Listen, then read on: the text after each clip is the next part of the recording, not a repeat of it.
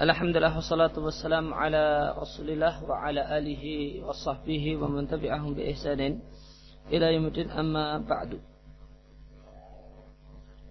Ikhwatal iman rahimani wa rahimakumullah. Terakhir kita membahas fadilah yang ke-11 dari uh, wudu. Itu sebuah hadis dari Abu Hazim. Qal Abu Hazim mengatakan Aku berada di belakang Abu Hurairah radhiallahu anhu dan beliau sedang berwudu untuk mengerjakan salat. Maka beliau memanjangkan basuhan tangannya sampai ketiak. Lalu aku pun berkata pada Abu, Abu Hurairah, Ya Aba Hurairah ma hadal wudu'u. Ya Abu Hurairah, wudu apa semacam ini? Maka Abu Hurairah mengatakan, Ya Bani Farukha. Wahai anak keturunan Faruh. Dia catatan kaki. Alais mengatakan, Balagona telah sampai kepada kami keterangan. Namun beliau tidak jelaskan dari siapa dan gimana sanatnya dan sebagainya. Anak Faruh karena min waladi Ibrahim alaihi salam. Faruh adalah nama uh, anaknya Ibrahim, Nabi Ibrahim setelah lahirnya Ishak dan Ismail. Maka turun nasluhu dan banyaklah keturunannya wana ma'adaduhu dan berkembang jumlah keturunannya.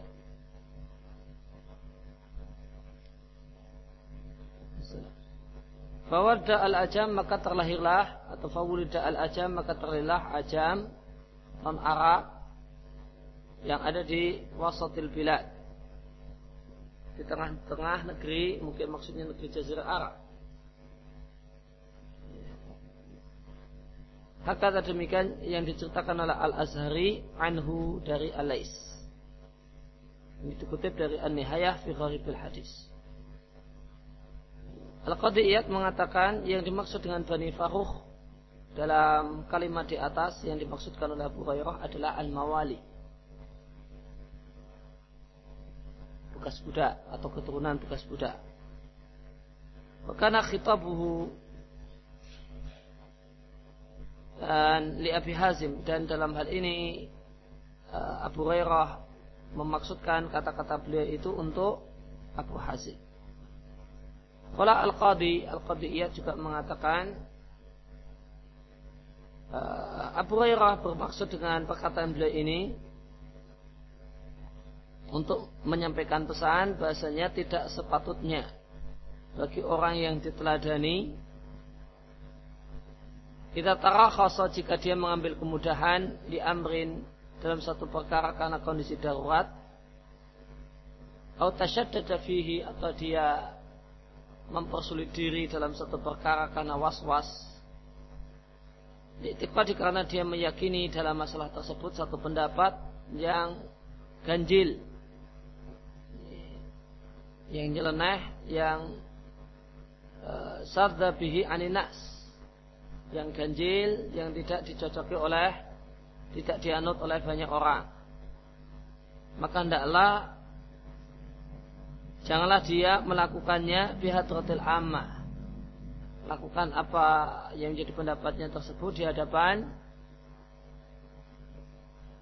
orang umum al-jahalah yang umumnya mereka adalah orang-orang yang bodoh di ala yatarakhasu supaya mereka tidak mencari-cari kemudahan. Bi rukhsatihi dengan alasan karena si ulama tersebut bermudah-mudah atau melakukan hal yang mudah.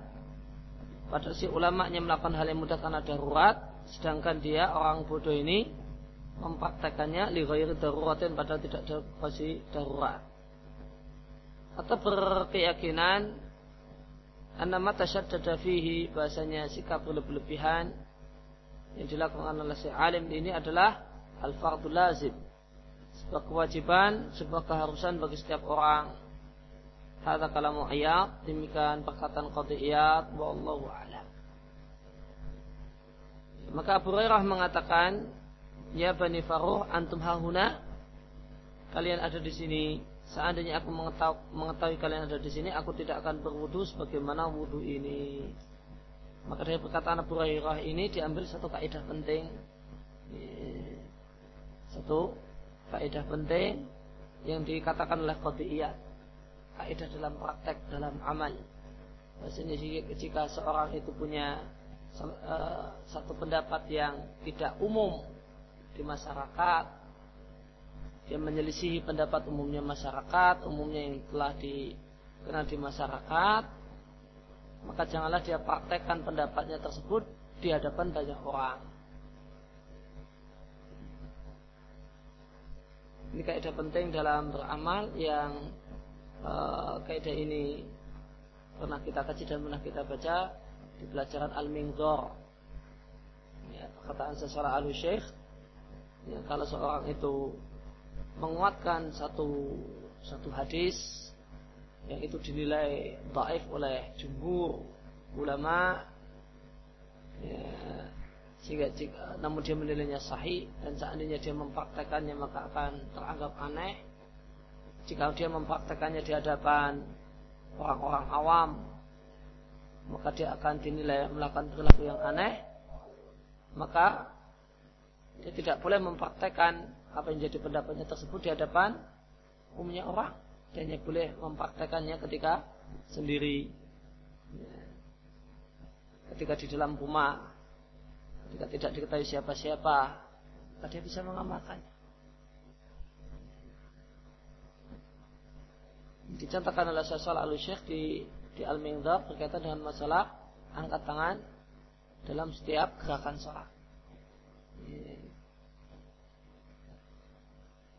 Mayoritas para ulama mentaifkan, menilai saat, mentaifkan hadis yang mengatakan Nabi mengangkat tangan setiap uh, setiap turun dan naik, setiap gerakan sholat. Menurut jumhur ulama Eh, di situ ada perawi yang keliru karena yang uh, seharusnya dia mengatakan Nabi bertakbir setiap turun dan naik. Terdapat uh, uh, di satu redaksi di satu sanat Nabi angkat tangan setiap turun dan naik. Ini uh, menurut umumnya ulama dhaif dan demikianlah yang dipraktekkan oleh umumnya kaum muslimin ya, tidak mengangkat tangan setiap uh, gerakan sholat. Ada sebagian ulama yang menilainya hadis yang kuat. Maka jika seorang itu merajikan pendapat semacam ini, maka tidak masalah. Namun prakteknya jangan di masjid. Prakteknya jangan di masjid bikin orang bingung, orang awam. Uh, apa kebingungan bikin kericuhan, silakan praktekkan, mohon praktekkan di tempat yang aman. Ya, Waalaikumsalam di tempat-tempat khusus di rumah dan sebagainya. Demikian juga sebagaimana e, contoh penerapan yang lain untuk kaidah yang disampaikan oleh Abu Hurairah adalah e, apa yang dikatakan oleh para ulama ya, semisal saya Nutsemin di tafsir surat Yasin bahasanya uh, ya dalam uh, Al-Qur'an itu kan kiroahnya banyak. Kiroahnya banyak kiroah yang dipakai di dunia umumnya dunia Islam kiroah hafaz. Kalau orang itu punya kemampuan pengetahuan tentang kiroah-kiroah yang lain, maka dia tidak boleh praktek. Ya di tempat umum. Dia boleh praktek membaca dengan kiroah uh, selain kiroah hafaz. Ya. Namun uh, ketika di tempat-tempat khusus di rumahnya atau di hadapan murid-murid tertentunya, murid-murid khususnya tidak di, di depan banyak orang, kalau di depan banyak orang, maka dikira oleh orang-orang bodoh ini salah, atau kemudian uh, merusak Quran atau mengubah-ubah Al-Quran, akan terjadi kericuhan, atau akan terjadi salah faham dan seterusnya. Maka kaidahnya dan sebagaimana dikatakan oleh Abu Hurairah, "Lau alimtum annakum hahuna ma tawaddatu hadal wudu'a." Selanjutnya aku tahu kamu ada di sini, aku tidak akan berwudu dengan uh, tata cara berwudu yang menurutmu adalah nyeleneh dan aneh. Nah. Ini, ini pelajaran penting dari hadis ini. Kemudian eh, Abu Hurairah mengatakan aku mendengar kekasihku mengatakan perhiasan seorang mukmin di surga nanti akan sampai di mana e, sejauh tempat air wudhu itu sampai. Diatkan oleh Muslim. Kemudian hadis berikutnya adalah atau fadilah berikutnya adalah al wudhu yahilu muqaddas sautani. Wudhu itu melepas ikatan setan dari Abu Hurairah radhiallahu anhu Rasulullah sallallahu alaihi wasallam bersabda yaqitu syaitanu ala qafiyati ra'si ahadikum. Idza huwa nama salasa uqadin. Setan membuat ikatan di tengkuk. Salah satu kalian jika dia tidur tiga ikatan. Yatribu kula uqdatin makanaha. Dan dia pada setiap ikatan Yatribu dia pukulkan pada tempat ikatan tersebut. Kalimat atau sambil mengatakan alaika tawilun farqut malam masih panjang tidur saja. Fa ini maka jika seorang itu bangun fadzakarallaha lalu dia menyebut nama Allah membaca doa bangun tidur in halat uqdatun maka lepaslah satu ikatan jika dia berwudu maka lepaslah ikatan yang kedua. Jika kemudian dia lanjutkan dengan sholat, maka lepaslah ikatan seluruhnya, tiga-tiganya. Fa'asbah maka jadilah dia di waktu pagi nasyitan, seorang yang energik, taiban nafsi, uh, jiwanya pun uh, ya, fresh, happy, ya tidak ada ganjalan. Wa illa jika dia tidak melakukan hal di atas, menyebut nama Allah, berwudu, maka terjadi adalah khabisam nafsi kaslan. Dia bangun dalam keadaan kaslan, malas, tidak fresh, tidak energik. Khabisan nafsi dan uh, uh, jiwanya tunda fresh. Demikian keadaannya di pagi hari.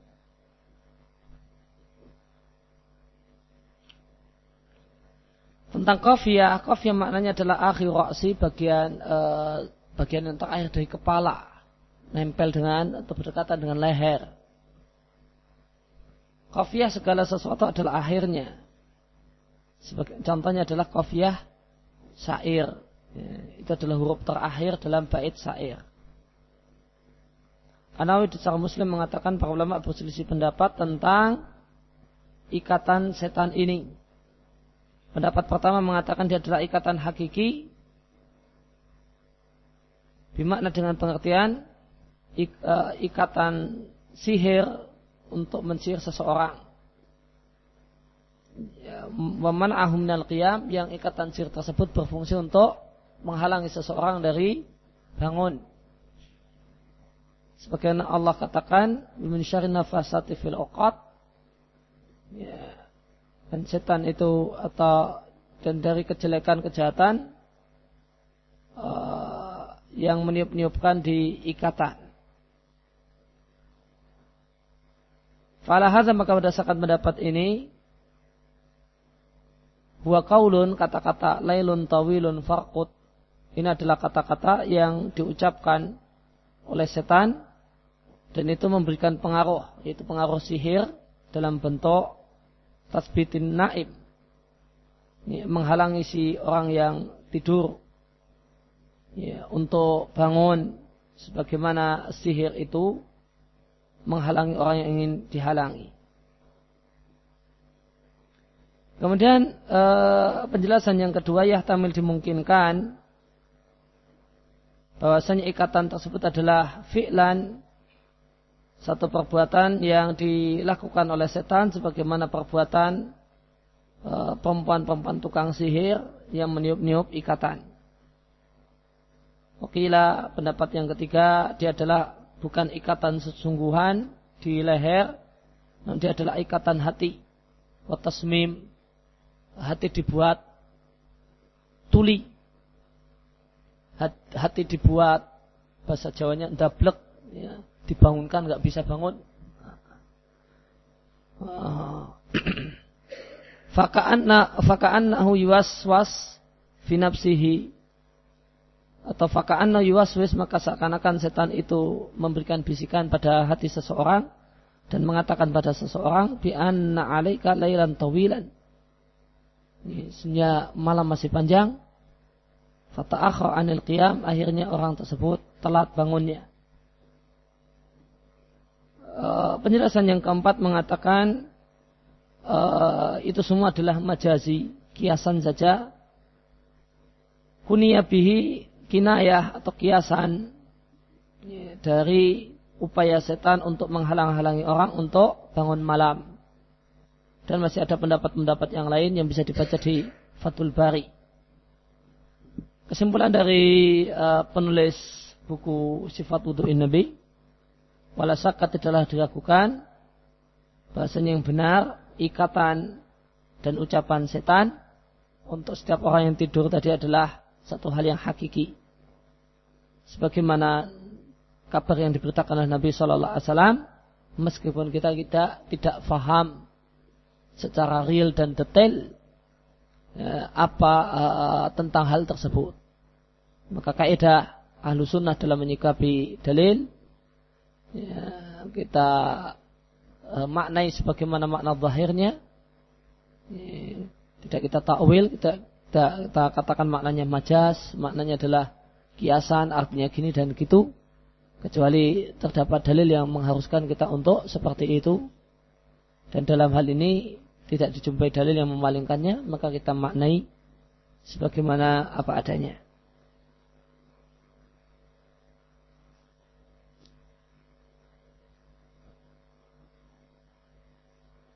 Kemudian kata-kata kepala uh, kepala salah satu kalian Ibnu Hajar mengatakan zahir ahadikum adalah umum fil mukhatabin untuk semua orang yang Nabi ajak bicara yaitu para sahabat dan orang yang semakna dengan mereka. Namun dimungkinkan adanya taksis yaitu taksis berlaku man pada orang yang warada terdapat dalil fi tentang orang tersebut bahasanya orang tersebut akan dijaga dari setan. Semacam para nabi. Demikian juga orang-orang yang dimaksudkan oleh ayat di surat Al-Isra 65. Sesungguhnya hamba-hambaku laisa laka alaihim sultan. Engkau wahai iblis tidaklah memiliki kekuasaan atas mereka. Hamba-hamba Allah Subhanahu wa taala yang menghambakan diri kepada Allah dengan ubudiyah khasah. Dengan penghambaan yang khusus itu penghambaan yang uh, penghambaan syar'i yang yang uh, yang bagus. Demikian juga orang yang baca ayat kursi ketika hendak tidur intaha al-murad sekian yang diinginkan dari keterangan Ibnu Hajar di Fathul Bari. Maka kata Ibn Hajar, zahirnya adalah umum untuk semua orang, termasuk para nabi. Namun dimungkinkan untuk kita katakan ini hanya berlaku untuk khusus untuk umumnya orang dan terkecualikan darinya orang-orang yang melakukan orang-orang yang memang terjaga dari setan ya, semacam karena membaca uh, ayat kursi atau yang lainnya. Kemudian uh, catatan kaki yang ketiga alaika lailun tawilun Zahir hadis ini menunjukkan kalau perlakuan dan uh, ulah setan semacam ini khusus untuk tidur di malam hari. Kadalik dan itu adalah satu hal yang benar. Yang benar memang seperti itu.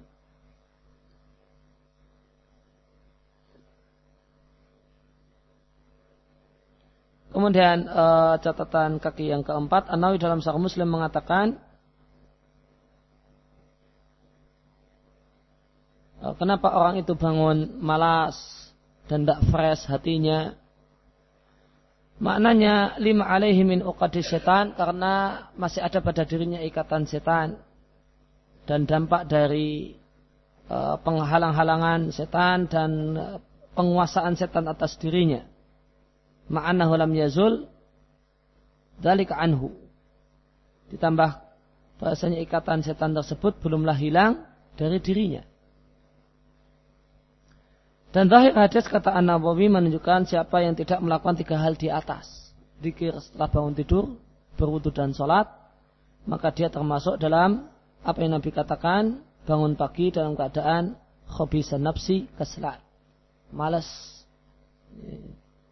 untuk bangun atau malas untuk beraktivitas dan khobisa nafsi. Ya, jiwanya tidak fresh, tidak seger, ya, ada yang ada yang keruh, ada yang membuat dia nggak nyaman, ada yang kurang dan semacam itu. Nah, hadis di atas diriatkan oleh Bukhari eh, dan ini redaksi Bukhari dan diriatkan juga oleh Muslim.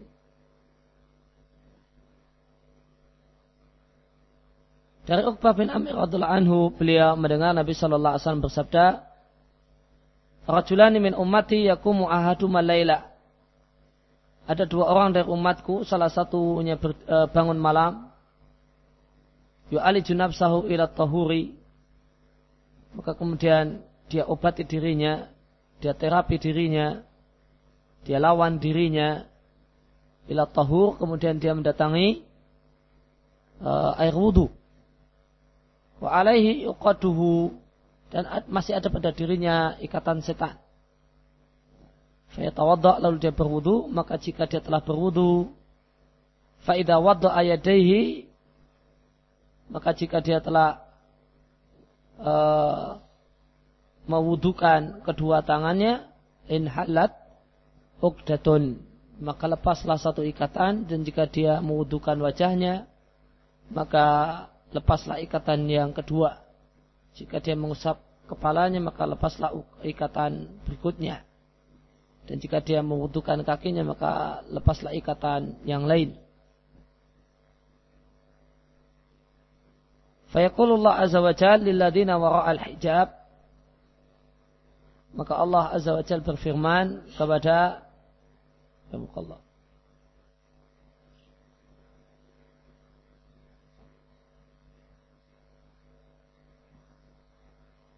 Kepada alladzina orang-orang yang berada di balik hijab.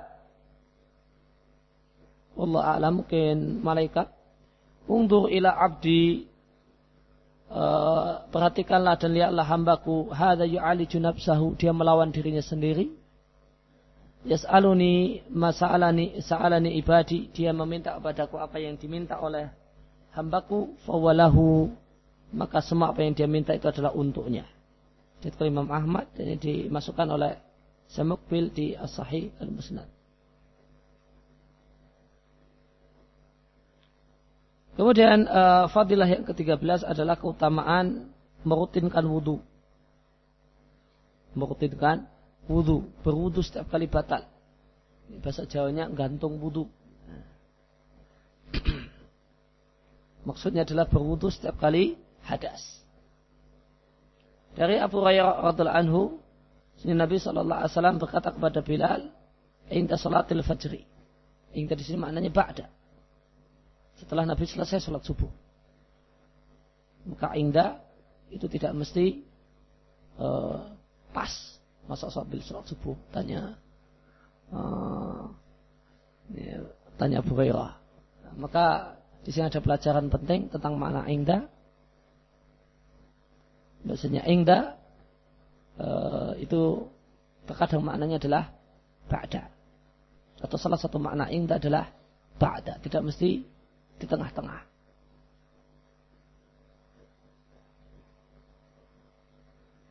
Uh, Nabi berkata kepada Abu Hurairah, ya, uh, kepada Bilal, Ya Bilal, wahai Bilal, hadis ini. Ceritakan padaku biarja amalin. Amal apa yang paling engkau harapkan? Amal apa yang amil tahu fil Islam yang kau uh, lakukan dalam Islam dan itu adalah amal yang paling engkau harapkan manfaatnya di hari akhir nanti. Fa ini sami itu dafan alaik kan aku mendengar suara sandalmu baina yadaya di depanku. Fil jannati di surga. Semalam Nabi bermimpi masuk surga. Ya, dan setelah Nabi Shallallahu Alaihi Wasallam masuk ke dalam surga ternyata bila sudah lebih dulu daripada Nabi masuknya. Dan Nabi mendengar suara sandalnya Bilal tanpa melihat Bilal. Cuma dengar saja suara sandalnya. Kal Bilal mengatakan, Ma'amil tu amalan. Aku tidak melakukan satu amal yang arja indi. Lebih aku harapkan manfaatnya. Selain anilam atatahar tuhuran fi sa'ati lailin aw naharin illa salaitu bidzalika tuhur. Ma kutibali an usalliyah. Tidaklah aku berwudu dengan satu wudu di waktu kapan pun baik malam ataupun siang kecuali setelah itu aku akan sholat dengan wudhu tersebut ma'aku dibali an usoliyah. Ya, salat sebanyak-banyaknya yang mungkin aku lakukan. Qal qala Abu Abdullah ya, Abu Abdullah yaitu Al-Bukhari mengatakan dafana alaik maknanya adalah tahrik gerakan ya, dari uh, dua sandalmu. Di sini dikatakan oleh Bukhari dalam sahihnya. Maka kalau uh, maka Bilal tidaklah Bilal berwudu di waktu kapan pun kecuali setelah itu sholat. Dan sholatnya uh, sebanyak mungkin yang diinginkan dan dimampu dilakukan oleh dan memungkinkan dilakukan oleh Abu uh, oleh Bilal. Maka Bilal di sini menyampaikan kalau tidaklah beliau berwudu di waktu, di waktu kapan pun malam ataupun siang kecuali ya, setelah itu kemudian sholat. Maka hal ini menunjukkan bahasanya sholat setelah selesai wudhu tidak terbatas hanya dua rakaat saja. Lebih dari itu tidak masalah berdasarkan takrir Nabi Shallallahu Alaihi Wasallam. Nabi Shallallahu Alaihi Wasallam tidak menyalahkan perbuatan Bilal yang setelah berwudu sholatnya tidak hanya dua rakaat, namun apa? Maku dibali an usalia. Semaksimal mungkin eh, yang bisa eh, aku lakukan. Dan dari uh, Abdullah bin Buraidah, kal Abdullah bin Buraidah mengatakan, aku mendengar Abu Buraidah radhiallahu anhu yakul mengatakan, asbah Rasulullah sallallahu alaihi wasallam. Di waktu pagi Rasulullah sallallahu alaihi wasallam fada Bilalan uh, memanggil Bilal. Fakal lalu Nabi mengatakan ya Bilal wahai Bilal bima sabaqtani ilal jannah. Wahai Bilal dengan sebab apa? Dengan sebab amal apakah engkau bisa mendahului aku masuk dalam surga. Matakhal tu jannah tidaklah aku masuk surga itu maksudnya dalam mimpi dan mimpi Nabi adalah wahyu dan mimpi Nabi adalah hak. Ila samitu khashataka amami kecuali aku mendengar khash khashah maknanya dicatatkan kaki harokatun laha sautun gerakan yang menimbulkan suara seperti suara senjata. Maksudnya adalah suara jalanmu. Amami. Dan pasti aku dengar itu suara suara sandalmu, suara jalanmu itu ada di depanku. Ini takhaltul hatal jannata dan semalam aku baru saja masuk surga. Fasami itu khosh khoshataka. Aku mendengar suara sandalmu ada di depanku. Fa'ata itu lalu ketika itu aku mendatangi ala qasrin min dahab satu istana yang terbangun terbuat dari emas murtafiin yang istana tersebut tinggi musrifin tinggi tinggi menjulang menjulang tinggi Fakultu maka aku bertanya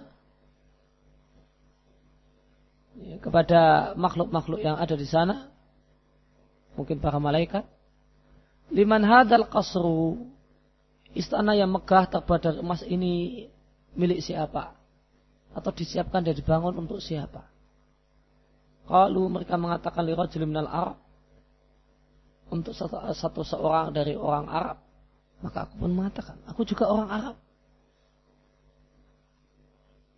Lima hadal kosong. Pastinya untuk siapa? Istana emas ini. Kalau mereka mengatakan untuk salah seorang kaum muslimin dari umat Muhammad. Dan aku mengatakan, akulah Muhammad. Jelasnya siapa? Untuk siapa istana ini? Kalau mereka mengatakan ini untuk dibangun untuk Umar bin Khattab. Maka Rasulullah Sallallahu Alaihi Wasallam kemudian Rasulullah Sallallahu Alaihi Wasallam berkata pada Umar bin Khattab yang hadir di majelis itu, laula ghairatuka ya Umar la takhaltul qasra. Wahai Umar seandainya tidak karena ingat kalau bahasanya engkau ini adalah seorang yang pencemburu, ya, di saya aku akan masuk ke istana tersebut untuk lihat-lihat ya, seperti apa rumah yang Allah siapkan untukmu di surga. Fakal maka Umar pun mengatakan, Ya Rasulullah, makuntu li akhara alaik. Ya Rasulullah, aku nggak mungkin uh, cemburu dan marah-marah. Gara-gara engkau masuki rumah yang Allah buatkan untukku di surga tanpa izinku terlebih dahulu. Kemudian Rasul bertanya kepada Bilal, Bima tani ilal jannah. Wahai Bilal, karena sebab amalan apakah engkau bisa lebih dulu daripada aku masuk ke dalam surga? Maka Bilal mengatakan, tu ila tawadda'tu. Tidaklah aku berhadas kecuali aku berwudu.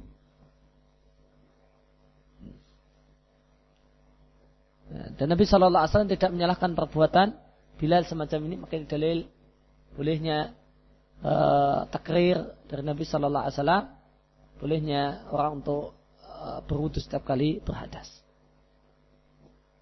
Dan dalam hadis yang lain, Eh, bahkan Nabi memuji orang yang semacam ini. Ya. Dan hadis yang sahih, yang lain yang dihatkan oleh Imam Ahmad, Nabi Shallallahu Alaihi Wasallam mengatakan, wala yuhafidhu alal wudu'i ilal mu'min. Tidak ada orang yang selalu menjaga wudhunya kecuali dia adalah orang yang beriman.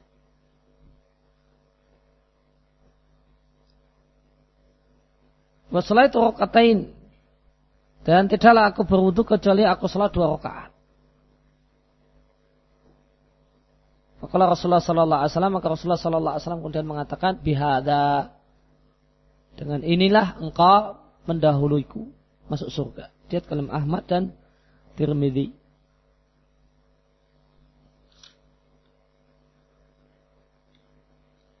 Ya, maka di sini uh, ya, terdapat fadilah keutamaan mahafadha alal wudu. Merutinkan wudu setiap kali berhadas adalah sebab masuk surga. Ya. Dan dalam hadis yang tadi kita saya sampaikan, uh, merutinkan wudu atau berwudu setiap kali berhadas adalah tanda orang yang beriman. Dan dalam hadis ini terdapat uh, dari dua hadis ini maka kita bisa kata-katakan bahasanya Bilal fil jannah wa Umar fil jannah. Eh, bahasanya Bilal itu adalah ahli surga sebagaimana Umar adalah ahli surga.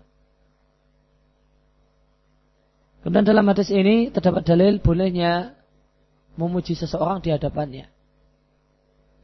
Nabi Shallallahu Alaihi Wasallam memuji Umar di hadapan Umar, menyampaikan kabar gembira kalau Umar itu ahlul jannah di depan Umar dan mengkabarkan kalau telah Allah bangunkan e, istana mewah terbuat dari emas untuk Umar. Ini di hadapan Umar. Demikian pula Nabi mengkabarkan kalau Bilal adalah ahlul jannah di hadapan Bilal.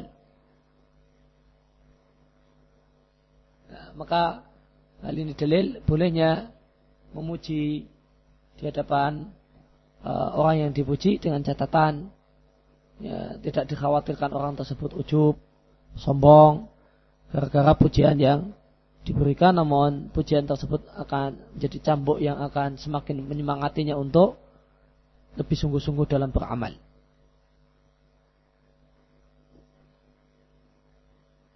Kemudian mungkin bisa kita ambil faedah dari uh, hadis ini bahasanya Nabi Shallallahu Alaihi Wasallam tidak mengetahui hal yang gaib. Nabi tidak tahu amal apa yang dimiliki oleh Bilal. Ya, sehingga menyebabkan Bilal lebih dulu daripada Nabi Shallallahu Alaihi Wasallam masuk dalam surga.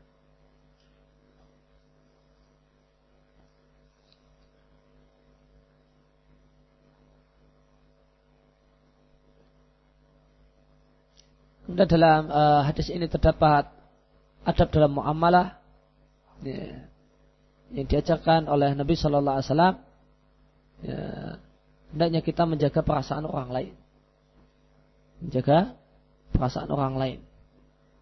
Ya, orang itu tidak suka hal semacam ini. Dia akan jengkel marah atau apa.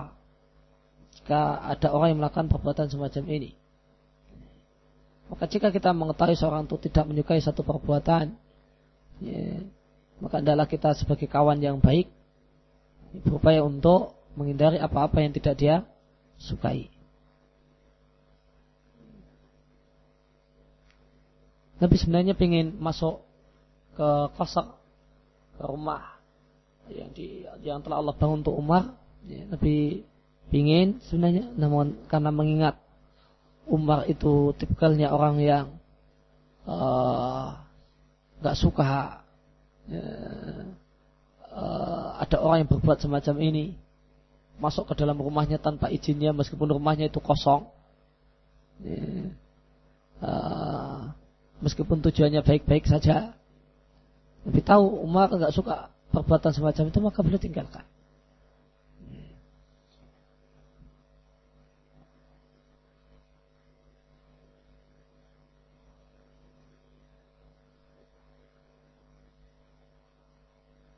Kemudian uh, hadis ini dalil uh,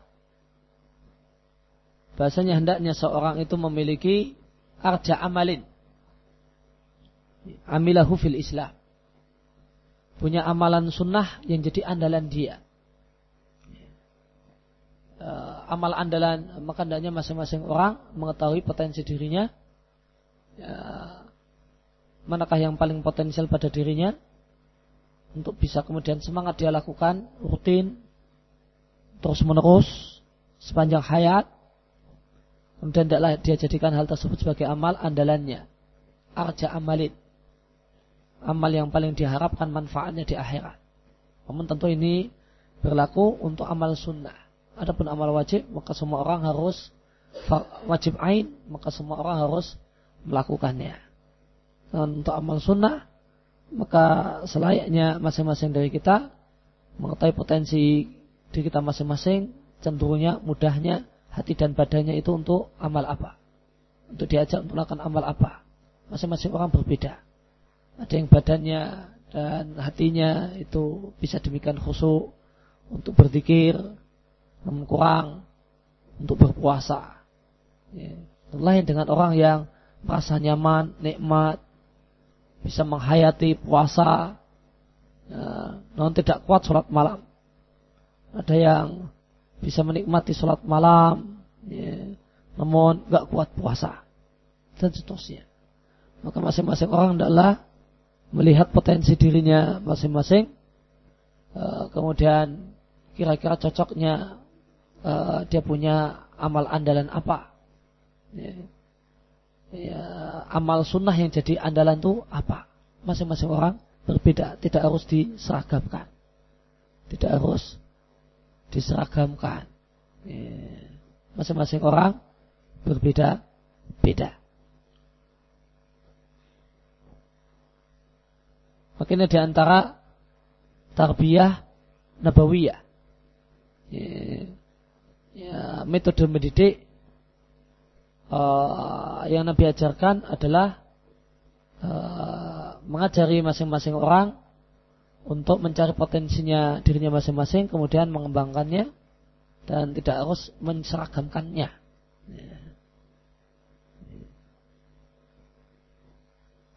Tidak sebagaimana tarbiyah hizbiyah ya, yang uh, mengharuskan orang harus seragam.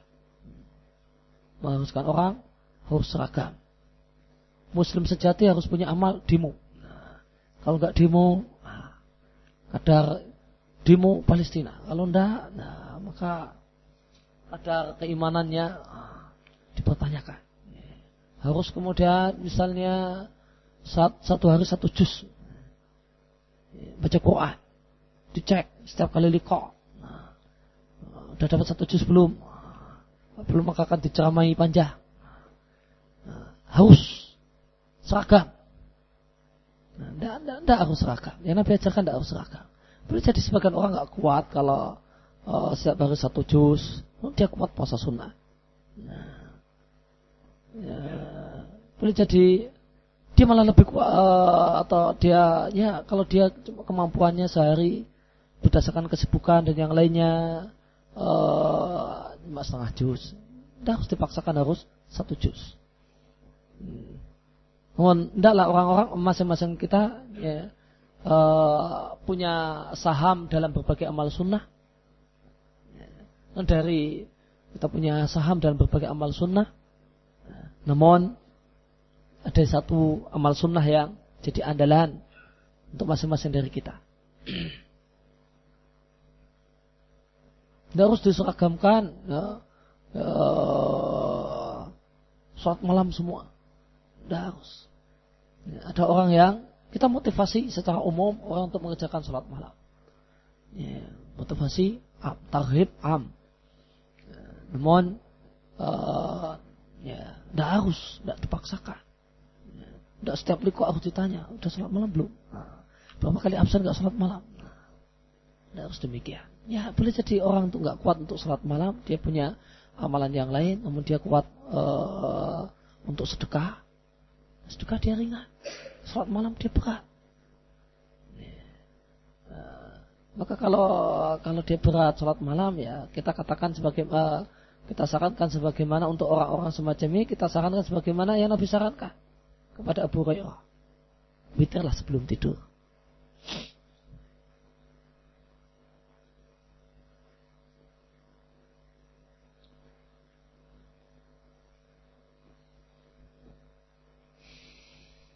Ya, kemudian uh, kita masuk pada uh, topik bahasan berikutnya adalah al-wudu sartun lis salati. Kita mulai masuk pokok masalah yaitu wudu adalah syarat sah salat. Anawi di seorang muslim mengatakan umat Islam sepakat bahasa toharah itu wudhu toharah dari hadas adalah syarat sah salat. Intah sekian. Kutipan dari perkataan Nawawi. Di antara ulama yang menukil ijma akan hal ini adalah Ibnu Rus dalam Bidayah Mujtahid dan Syekhul Islam sebagaimana di Al-Majmu'. Kalau Allah Ta'ala, Allah Ta'ala berfirman, Ya ayyaladzina amanu, wahai orang-orang yang beriman, jika kalian berkeinginan berdiri untuk mengerjakan salat, ya, koma itu mengandung makna niat. Jika kalian punya niat, berkeinginan untuk berdiri mengerjakan salat, maka basuhlah wajah kalian dan tangan kalian sampai siku dan usaplah kepala kalian dan basuhlah kaki kalian sampai mata kaki. Dari Abu Hurairah radhiyallahu anhu Nabi sallallahu alaihi wasallam bersabda, "La yaqbalullahu salata ahdikum idza ahdasa hatta yatawaddaa." Allah tidaklah menerima salat salah satu kalian jika dia dalam kondisi berhadas sampai dia berwudu. Al-Hafidh Ibn Hajar di Fathul Bari mengatakan yang dimaksud tidak diterima di sini adalah sinonim dengan sah. Tidak diterima berarti tidak sah. Ya, maksudnya adalah al-ijza cukup sehingga tidak perlu diulangi. Adapun tidak diterima uh, yang ditiadakan dalam semisal hadis Nabi Shallallahu Alaihi Wasallam, siapa yang datangi dukun maka tidak diterima selamanya selama 40 hari 40 malam. Bahwa al hakiki maka tidak diterima di situ dan tidak terima yang hakiki. Itu tidak diterima di sisi Allah meskipun sah. Tidak diterima. Ya. meskipun sah sudah mencukupi. Li'anau ya uh, qad yasuhul al amal karena boleh jadi satu amal ibadah itu sah wa yatakhalaf al qabul namun tidak diterima. Limani'in karena satu faktor penghalang. Limani'in karena satu faktor penghalang. Nah kapan tidak diterima itu artinya tidak sah dan kapan tidak diterima itu artinya tidak berpahala dan tidak ada nilainya. Sama-sama ada hadis. Satu mengatakan tidak diterima, yang di sini maknanya tidak diterima dalam artian tidak sah, dalam hadis yang lain tidak diterima dan maknanya tidak bernilai dan bermanfaat.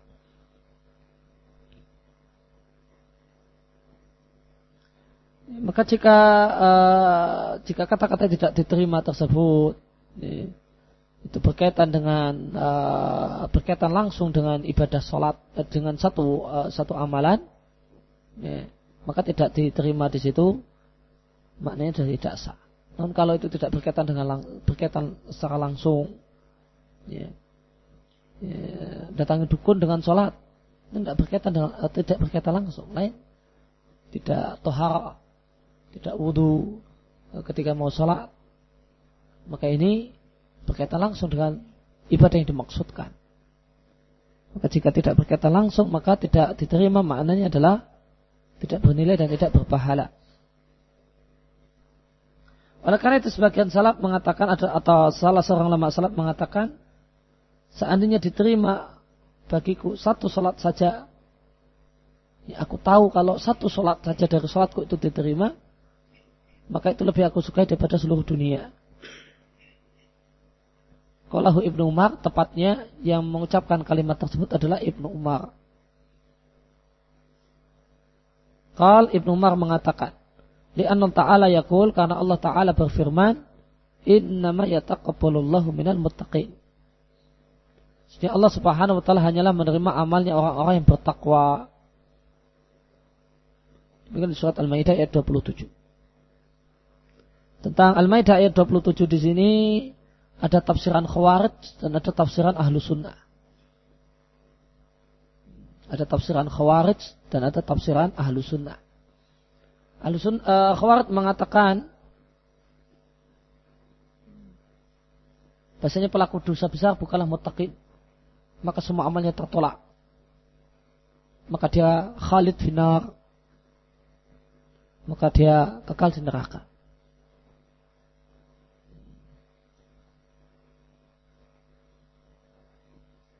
Maka orang yang melakukan uh, dosa besar itu bukan mutakin. Iya kan? Nah, kalau dia bukan mutakin, tidak ada satu pun amal yang Allah terima. Nah, kalau tidak ada satu pun uh, amal yang Allah terima, tidak ada satu pun yang ada nilainya, amalnya ada nilainya. Kalau begitu, tidak mungkin masuk surga. Kalau begitu, nerakalah tempatnya yang kekal. Kemudian uh, yang kedua dari tafsiran ahlu sunnah untuk ayat ini. Ya, ahlu sunnah mengatakan yang dimaksud dengan innama yataqabbalu minal muttaqin adalah innama yataqabbalu minal muttaqin fi amalihim. Allah hanyalah menerima orang-orang yang bertakwa dalam amalnya. Amal yang uh, diterima oleh Allah Subhanahu wa taala adalah amal-amal orang yang bertakwa dalam amalnya. Bertakwa ketika dia melakukan satu amalan dan bagaimana bertakwa dalam satu amalan manakala dia memenuhi syarat diterimanya amal ikhlas karena Allah Subhanahu wa taala dan amalan tersebut sesuai dengan apa yang dituntunkan oleh Nabi sallallahu alaihi wasallam itulah bertakwa dalam amal dan itulah uh, amal yang Allah terima. Dan tidaklah dilakukan bahasanya al-haq uh, tidak lain adalah tafsiran ahlu sunnah dalam masalah ini dan yang lainnya.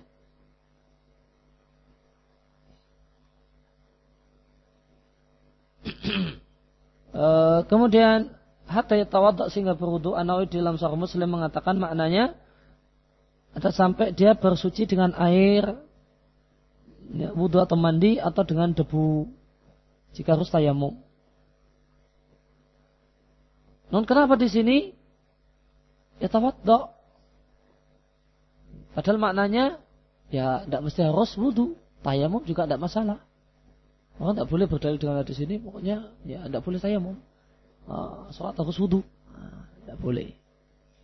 Ya, orang memahami hadis itu harus jam'an bainal adillah.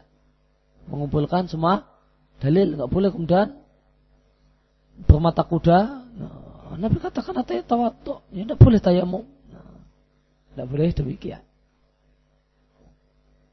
Dan maknanya adalah sampai dia bersuci boleh jadi tayamum jika memang harus tayamum. Lalu kenapa kok di sini Nabi diksinya pilihan katanya adalah sampai berwudu? Nabi Shallallahu Alaihi Wasallam iktasara mencukupkan diri dengan menyebut wudu dalam hadis ini karena wudu itu adalah al asal hukum asal toharah itu wudu. Tayamum itu gantinya wudu. Wal ghalib demikian juga karena menimbang itulah yang paling sering dilakukan. Karena tayamum itu kondisional.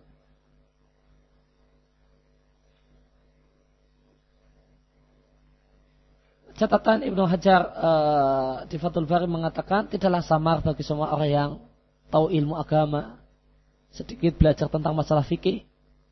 Bahasanya yang dimaksud dengan diterimanya sholat orang yang ketika dia hadas berwudu itu masih bersyarat maaf bagi surut sholat. Ya. Tentu dengan tetap terpenuhinya syarat-syarat sholat yang lain. Kalau orang itu sholat sebelum sholat dia berwudu namun sholatnya membelakangi kiblat ya tidak sah. Ya. Kalau orang itu mau sholat dia ber, uh, habis hadas dia berwudu non sholatnya sebelum waktunya waktu sholat tiba ya tentu tidak diterima. Maka uh, mafhum dari hadis ini, salat diterima jika berwudu. Itu mafhum ini benar, namun bersyarat. Maaf bagi surat salat. Jika syarat jika syarat-syarat yang lain terpenuhi, bukan hanya yang penting wudu kemudian menghadap kiblat atau tidak semaunya waktu tiba ataukah tidak seenaknya tentu tidak demikian. Saya Abdurrahman As-Sa'di di uh, buku beliau tentang uh, buku fawaid beliau, kumpulan fawaid beliau, Majmu'ul Fawaid. Yang itu bernomor ya, satu dan seterusnya, pasnya di nomor 45 Beliau mengatakan mafhum mukhalafah dari hadis di atas bahasanya salat diterima jika berwudu. Maka hal ini menunjukkan keutamaan wudu dan wudu itu punya pengaruh yang sangat besar dalam ibadah yang paling mulia yaitu salat. Namun sama sekali hadis di atas tidaklah menunjukkan bahwasanya untuk sholat tidak ada syarat yang lain selain wudhu. Nah, ya, untuk sholat ada syarat yang lain disampaikan syarat berwudu. Hadis di atas diatkan oleh Bukhari dan Muslim. Dalam salah satu redaksi Bukhari, la tuqbal salatu man ahdasa hatta yatawaddoa. Tidaklah diterima salatnya orang yang berhadas sehingga dia berwudu. Fakal kalau rajulun min hadal maut maka uh, bertanyalah seorang, salah seorang Yaman tepatnya dari hadrul maut dia bertanya mal hadasu ya Abu Hurairah apa itu yang dimaksud dengan hadas by Abu Hurairah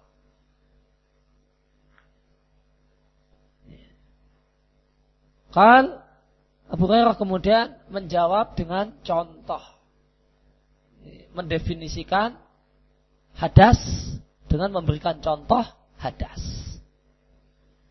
Ya. Yang namanya hadas itu contohnya adalah fusaun. Kentut yang tidak bersuara, Oduratun atau kentut yang bersuara. Kentut yang temannya itu tahu kalau ini kentut, dan kentut yang temannya tidak tahu kalau dia lagi kentut. Semuanya hadas. Dari Ibnu Umar radhiallahu anhuma atau radhiallahu anhu atau radhiallahu anhuma beliau mengatakan aku mendengar Rasulullah sallallahu alaihi wasallam bersabda la tuqbal salatun bi ghairi tuhurin wala sadaqatun min ghululin uh, salat tanpa berwudu tidaklah diterima sebagaimana sedekah dari harta khianat juga tidak diterima. Dikatakan Muslim dalam sahihnya. Ya, tentang masalah hadas, man ahdasa ada catatan kaki, artinya wujida minul hadas, dijumpai pada dirinya hadas. Yang dimaksud dengan hadas adalah yang keluar dari salah satu dari dua jalan, jalan depan dan jalan belakang. Namun Abu Hurairah menafsirkan hadas bi akhassi min dhalika. Ya, dengan sesuatu yang uh, khusus, tidak dengan sesuatu yang general. Kalau makhoja min ahadis sabilain kan jawaban yang general. Cuma kasih jawaban jawaban yang khusus. Tambihan bil akhaf alal aghlad.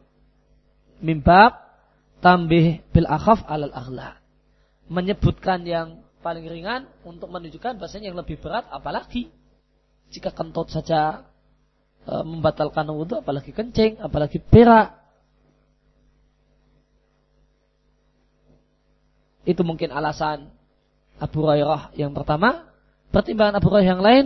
Karena dua hal ini kentut. Baik yang bersuara ataupun tanpa suara. Keduanya terjadi ketika tengah-tengah sholat lebih sering daripada yang lain.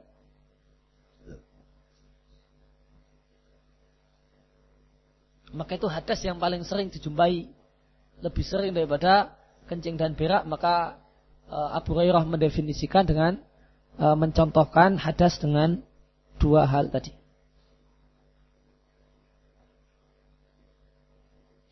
Kemudian untuk hadis Ibnu Umar ada catatan kaki. An-Nawawi dalam Sahih Muslim mengatakan hadisnya adalah dalil tegas wajibnya toharah untuk sholat. Kemudian dari Abdul Malih, Yuhadis dia bercerita dari ayahnya yaitu Usama bin Umair. Us, Usama bin Umair radhiallahu anhu. Ana sami'an Nabiya sallallahu alaihi wasallam. Ya Nabi sallallahu alaihi wasallam beliau mendengar Nabi sallallahu alaihi wasallam bersabda fi baitin di satu rumah. Beliau mengatakan innal azza jalla yaqbalu salatan bighairi tuhurin. Allah azza jalla tidaklah menerima salat tanpa tohara wala sadaqatan min ghululin dan tidak menerima sedekah dari harta khianat. Semisal khianat dalam masalah uh, rampasan perang itu ngambil harta rampasan perang untuk diri sendiri sebelum dibagi.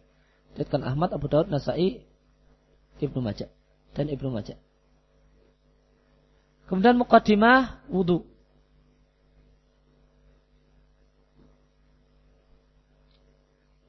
Al-bid'u bil khala'i qabla al-wudu'i. Lebih mengutamakan ke belakang daripada berwudu. Mau wudu kebelet. Ya, itu ya kebeletnya dulu yang disalurkan. Kebelet kencing, kebelet berak ya, daripada wudhunya. Sebagaimana sabda Nabi Sallallahu Alaihi Wasallam, "Idza uqimatis salah wa wajada ahadukumul khala'a falyabda bil khala'." Jika ikomah telah dikumandangkan, wa wajada ahadukumul khala' dan salah satu kalian menjumpai keperluan untuk buang air, Falyabda bil khala. Maka hendaklah dia dahulukan buang hajatnya daripada sholat meskipun sudah komat. Diatkan oleh Tirmidzi dari Abdullah bin Arqam. Ini adalah hadis yang ada di salah satu hadis yang ada di Sahih Musnad karya Semukbil. Adapun apa yang dilakukan sebagian orang awam ya, di Saudi, demikian juga berarti ini di Yaman juga dijumpai. Minat istinja kebelan wudhu.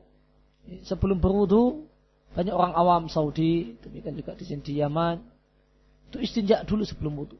Dia cebok dulu padahal nggak kentut, nggak berak, nggak eh, nggak uh, kencing. Uh, mau wudhu, kamar mandi dulu. Cebok. Bukan karena kencing, bukan karena berak. Ya, namun karena mau wudhu. Karena mau berwudhu. Mereka beranggapan disyariatkannya cebok ketika hendak berwudu. Meskipun tanpa sebab kencing berak.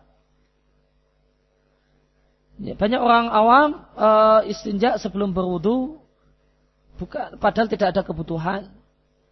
Ya, Atau ceboknya itu karena kentut.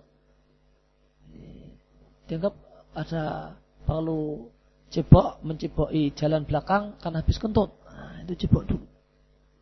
Falaisa alaihi dalil. Maka ini adalah amalan yang tidak ada dalilnya. Ya, Alhamdulillah ini tidak ada kayaknya di tempat kita. Banyak di Saudi, orang awamnya Saudi, di Yaman, banyak. Mikdarul wudu, uh, mikdarul wudu warat alal ibadiyah. Kadar uh, mik, uh, mikdarul wudu, kadar air wudu dan bantahan untuk ibadiyah. Salah satu sekte khawarij. Ini adalah uh, secara secara aliran ibadah inilah yang uh, yang masih eksis sampai zaman ini. Secara aliran mungkin bisa kita katakan khawatir sudah tidak ada kecuali ibadiyah. Kecuali ibadiyah. Ini masih ada di Yordan di uh, ya, di Yordan yang paling banyak. Catatan lagi, Nawawi dalam Sahih Muslim mengatakan uh, umat Islam sepakat bahasanya air wudhu dan air mandi tidak disyaratkan untuknya kadar tertentu. Bahkan ya pokoknya yang penting istau'ab al aqda mencukupi untuk semua anggota wudhu. Uh, istau'ab al aqda bisa memenuhi untuk semua anggota, anggota wudhu atau anggota mandi, kafahu, maka itu cukup biai kodrin kana. Seberapa apa pun, seberapa banyak pun kadarnya. Di antara ulama yang menukil adanya ijma, tidak harus ada kadar tertentu dalam wudhu dan mandi, adalah Abu Ja'far Muhammad bin Jarir atau Bari. Faedah Ibn Abdul Bar dalam kitabnya At-Tamhid, Ibn Abdul Bar Al-Maliki dalam kitabnya At-Tamhid mengatakan. Semua riwayat di atas seluruhnya inama ruyat hanyalah disampaikan ingkaran sebagai bentuk pengingkaran terhadap ibadiyah. Qal Ibn Abdul Bar mengatakan. Wa dalil ala dhalika dan dalil dalil hal tersebut annahum bahasanya mereka kaum muslimin bersepakat bahasanya air uh, lil wudu wala lil ghusl untuk mundu, uh, uh, untuk wudu ataupun untuk mandi layukal tidak perlu ditakar terlebih dahulu berapa liter kemudian baru dipakai untuk wudhu. Di di halaman yang lain di Tamhid di juz yang sama Ibn Abdul Bar al-Maliki mengatakan dalam hadis tersebut terdapat bantahan untuk ibadiyah dan orang yang mengikuti pendapat mereka ya, fil iksar minal ma' yang uh, memperbanyak air Wahada masiqa hada lahu. Dan riat ini memang dibawakan untuk itu untuk membantah ibadiyah wallahu a'lam. Ingkaran sebagai bentuk pengingkaran para ulama terhadap kelompok tersebut karena ibadiyah adalah satu sekte yaitu sekte khawarij yang muncul di zaman tabi'in. Dan telah ditanyakan kepada para sahabat wa nuqila matara? Dan dinukil tentang hal tersebut. Ya, pertanyaan kepada para sahabat dan pengingkaran mereka terhadap pendapat-pendapat ibadiyah mata sebagaimana telah anda saksikan. Nanti akan ada kutipan perkataan Qurtubi tentang pendapat ibadiyah. Karena Nabi Shallallahu Alaihi Wasallam yukalil minal ma' fil wudu. Nabi mempersedikit kadar air untuk berwudu. Fakana ya tawadda bil mut. Maka yang paling sering Nabi berwudu dengan satu mut air. Baik tasir dan Nabi mencukupkan diri dengan satu mut air fi ghalibi ahyanihi dalam mayoritas kondisi beliau. Namun uh, tawadhu amaratan satu kali beliau berwudu dari satu wadah air fihi yang ada di sana air dengan kadar dua ya, dua per tiga mut. Tidak sampai ya, satu mut Ya hadis kala Nabi berwudu atau sering berwudu dengan satu mut air diatkan oleh Bukhari dan Muslim dari Anas radhiallahu anhu. Anas mengatakan Nabi Shallallahu Alaihi Wasallam ya tawadha bil bil muddi Nabi berwudu dengan menggunakan satu mut air dan mandi dengan satu sok air sampai lima mut. Satu sok sama dengan empat mut. Maka Nabi mandi empat sampai lima mut. Pesok dan sok itu sama dengan empat mut. Dan yang namanya mut, satu mut adalah sepenuh dua telapak tangan yang sedengan yang pertengahan. Bukan telapak tangan yang terlalu besar, bukan pula telapak tangan yang terlalu kecil. Dua telapak tangan disatukan, telapak tangan ukurannya standar, tidak terlalu besar, tidak terlalu kecil. Nah, sepenuh ini namanya satu mut dan itu cukup bagi Nabi Shallallahu Alaihi Wasallam untuk berwudu. Syekhul Islam Taimiyah di Majmu' Fatwa mengatakan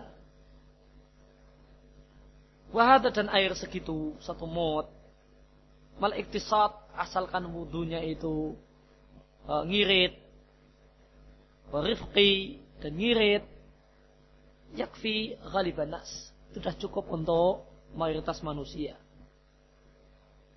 namun jika seorang itu membutuhkan lebih dari kadar itu ahyanan terkadang karena satu kebutuhan, maka tidak mengapa.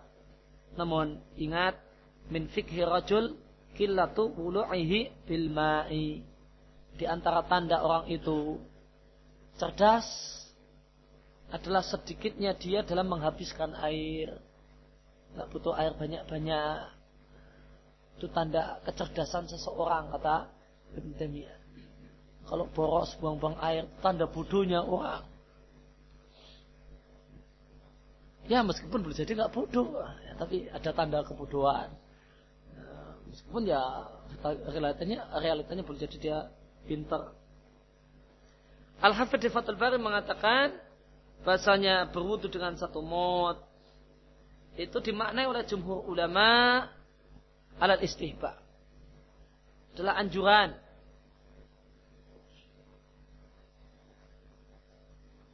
Karena mayoritas man qaddara karena mayoritas sahabat yang mengkira-kirakan air wudhunya Nabi atau wudhunya Nabi dan mandinya Nabi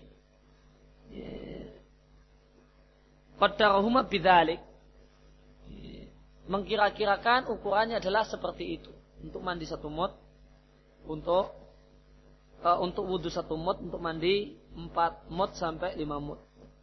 Qal Ibnu uh, Al Ibnu Hajar mengatakan Hal ini berlaku jika tidak ada kebutuhan yang mendorong untuk lebih dari kadar itu. Kemudian catatan yang lain dan ini juga berlaku anjuran sebagaimana kata jumhur ini berlaku fi hakiman untuk berlaku untuk orang yang eh, postur tubuhnya itu sedang eh, sedang-sedang tidak terlalu besar. Kalau orangnya tinggi besar, semuanya mukanya lebar, tangannya ini ya mungkin bisa di uh, maka uh, dia nggak cukup air sebanyak yang tadi disampaikan. Maka jumhur mengatakan berwudu dengan air satu metu mustahab dan kata Ibnu Hajar ya, mustahab ini uh, memiliki dua kait. Kait yang pertama selama tidak ada kebutuhan untuk lebih dari itu. Dan yang kedua adalah selama postur tubuh seseorang itu ya standar. Faedah kutubi dalam Sarah Muslim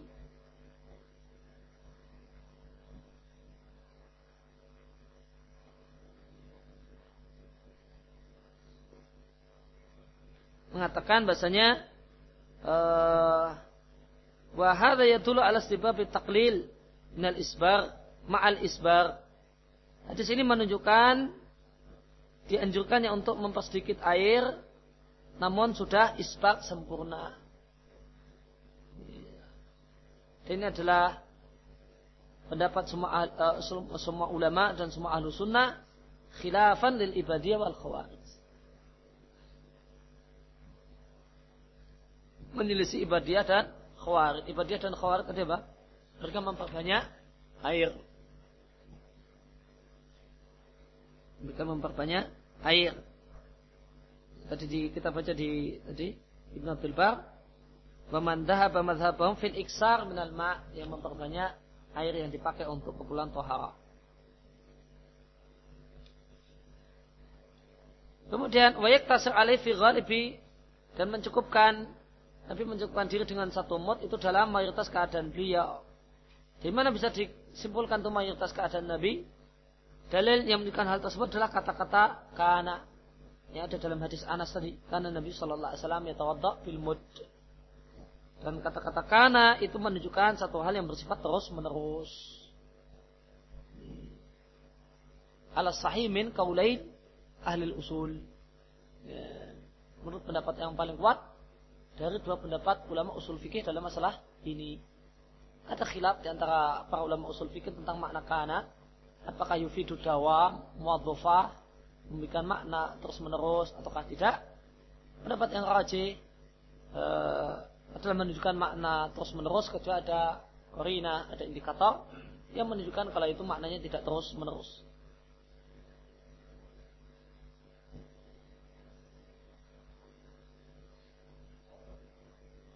Dan terdapat penjelasan bagus dari Syekh Nutaimin di uh, Sarah Mandumah, Kuwait uh, Fikih dan uh, Kuwait uh, Usuliyah beliau tentang kaidah ini bahwasanya kana itu pada asalnya yufidu dawam memberikan makna terus menerus dan kebiasaan. Syekh Nutaimin rahimahullah taala di Sarul Mumtid mengatakan hadhihi ya sunnah inilah yang sunnah yaitu tidak boros dalam penggunaan air. Namun siapa yang wudhunya sudah lengkap dan sempurna, lah kurang dari satu mut, ya boleh-boleh saja. Jika ada yang bertanya, kita sekarang berwudhu pakai keran, sunabir. Maka fa fa ma'anal ma' yang dobit. Maka bersama kita, maka kita menggunakan air yang tidak terukur Maka gimana berwudu dalam kondisi semacam ini? Fayuqal maka kita katakan maka jawabannya la tazid alal masru' Ketika Anda berwudu janganlah lebih banyak daripada yang dituntunkan ketika membasuh anggota-anggota wudu. Artinya jangan lebih dari tiga. Maka dengan Anda melakukan nasihat ini, ya sulul ya sulul al-ittidal. Maka terwujudlah sikap proporsional yang diperintahkan dalam masalah ini. Kemudian catatan e, kaki berikutnya, Nabi berwudu pernah dengan menggunakan wadah yang berisi air kadarnya 2 per 3 mud. Diatkan Abu Dawud dan Nasai dari Abbad bin Tamim dari neneknya yaitu Ummu Amarah radhiallahu anha. Ummu Amarah radhiallahu anha mengatakan sehingga Nabi sallallahu alaihi wasallam tawadha berwudu fa utiya maka ditatangkan ke hadapan Nabi satu wadah fihi ma'un di sana ada air kadarnya 2 per 3 mud. Satu mud kurang sepertiga. Dan di sini dimasukkan oleh Semukbil di Sahih Al-Musnad. Tirmidzi mengatakan hak kata demikianlah pendapat sebagian ulama yaitu berwudu dengan menggunakan satu mud dan mandi dengan satu sok. Uh, Syafi'i, Ahmad dan Ishaq bin Rahuyah mengatakan bukanlah makna hadis ini alat tawaki. Ya. Kita harus menjaga diri dari lebih dari angka tadi. Dengan pengertian la ya tidak boleh lebih dari angka-angka tadi. Atau tidak boleh pula kurang darinya. Ya, bukanlah makna hadis tersebut seperti itu. Enggak boleh Eh, lebih dari satu mod untuk wudhu atau kurang dari dua per tiga mod untuk wudhu.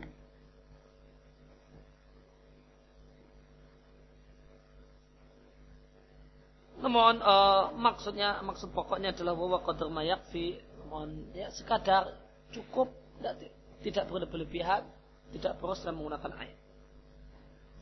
Sunani di Salam mengatakan dua per tiga mod adalah ukuran paling sedikit yang diriwayatkan dipakai wudhu oleh Nabi Sallallahu Alaihi Wasallam. Dan kal Sonani mengatakan wa man qal. Dan pendapat ulama yang mengatakan bahwasanya satu mud di sini cuma takribun itu kira-kira. La tahdid bukan angka matematis Mahwa biba'id bukanlah pendapat yang jauh dari kebenaran. Akan tapi yang terbaik bil mutasyari bagi orang yang mengikuti syariat adalah uh, muhakah mencontoh persis akhlak Nabi Shallallahu Alaihi Wasallam dan meladani Nabi Shallallahu Alaihi Wasallam dalam kadar di atas.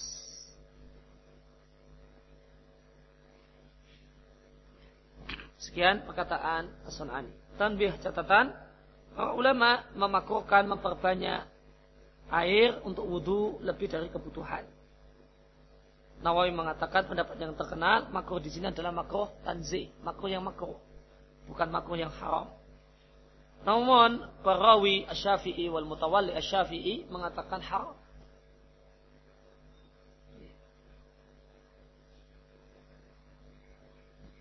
Uh, Faidah indah amat diatkan Imam Ahmad dan Ibnu Abbas ada seorang yang bertanya kam yakfini minal wadu berapa air wudhu yang cukup untukku maka Ibn Abbas mengatakan satu mut. Kemudian orang tersebut bertanya, berapa kadar air yang cukup untuk untuk mandi? Ibn Abbas mengatakan satu sak. Orang tersebut mengatakan layak fini itu semua nggak cukup untuk. Maka Ibn Abbas menegur keras orang yang dengan mengatakan la umalaka tidak ada ibu bagimu. Qad kafa man wa khairun minka. Kadar tadi telah mencukupi orang yang lebih baik daripada dirimu Itulah Rasulullah Sallallahu Alaihi Wasallam. Ya, demikian yang kita baca kesempatan sore ini.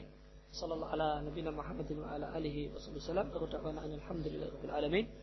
Subhanaka Allahumma wa bihamdika asyhadu an la ilaha illa anta astaghfiruka wa atubu ilaik.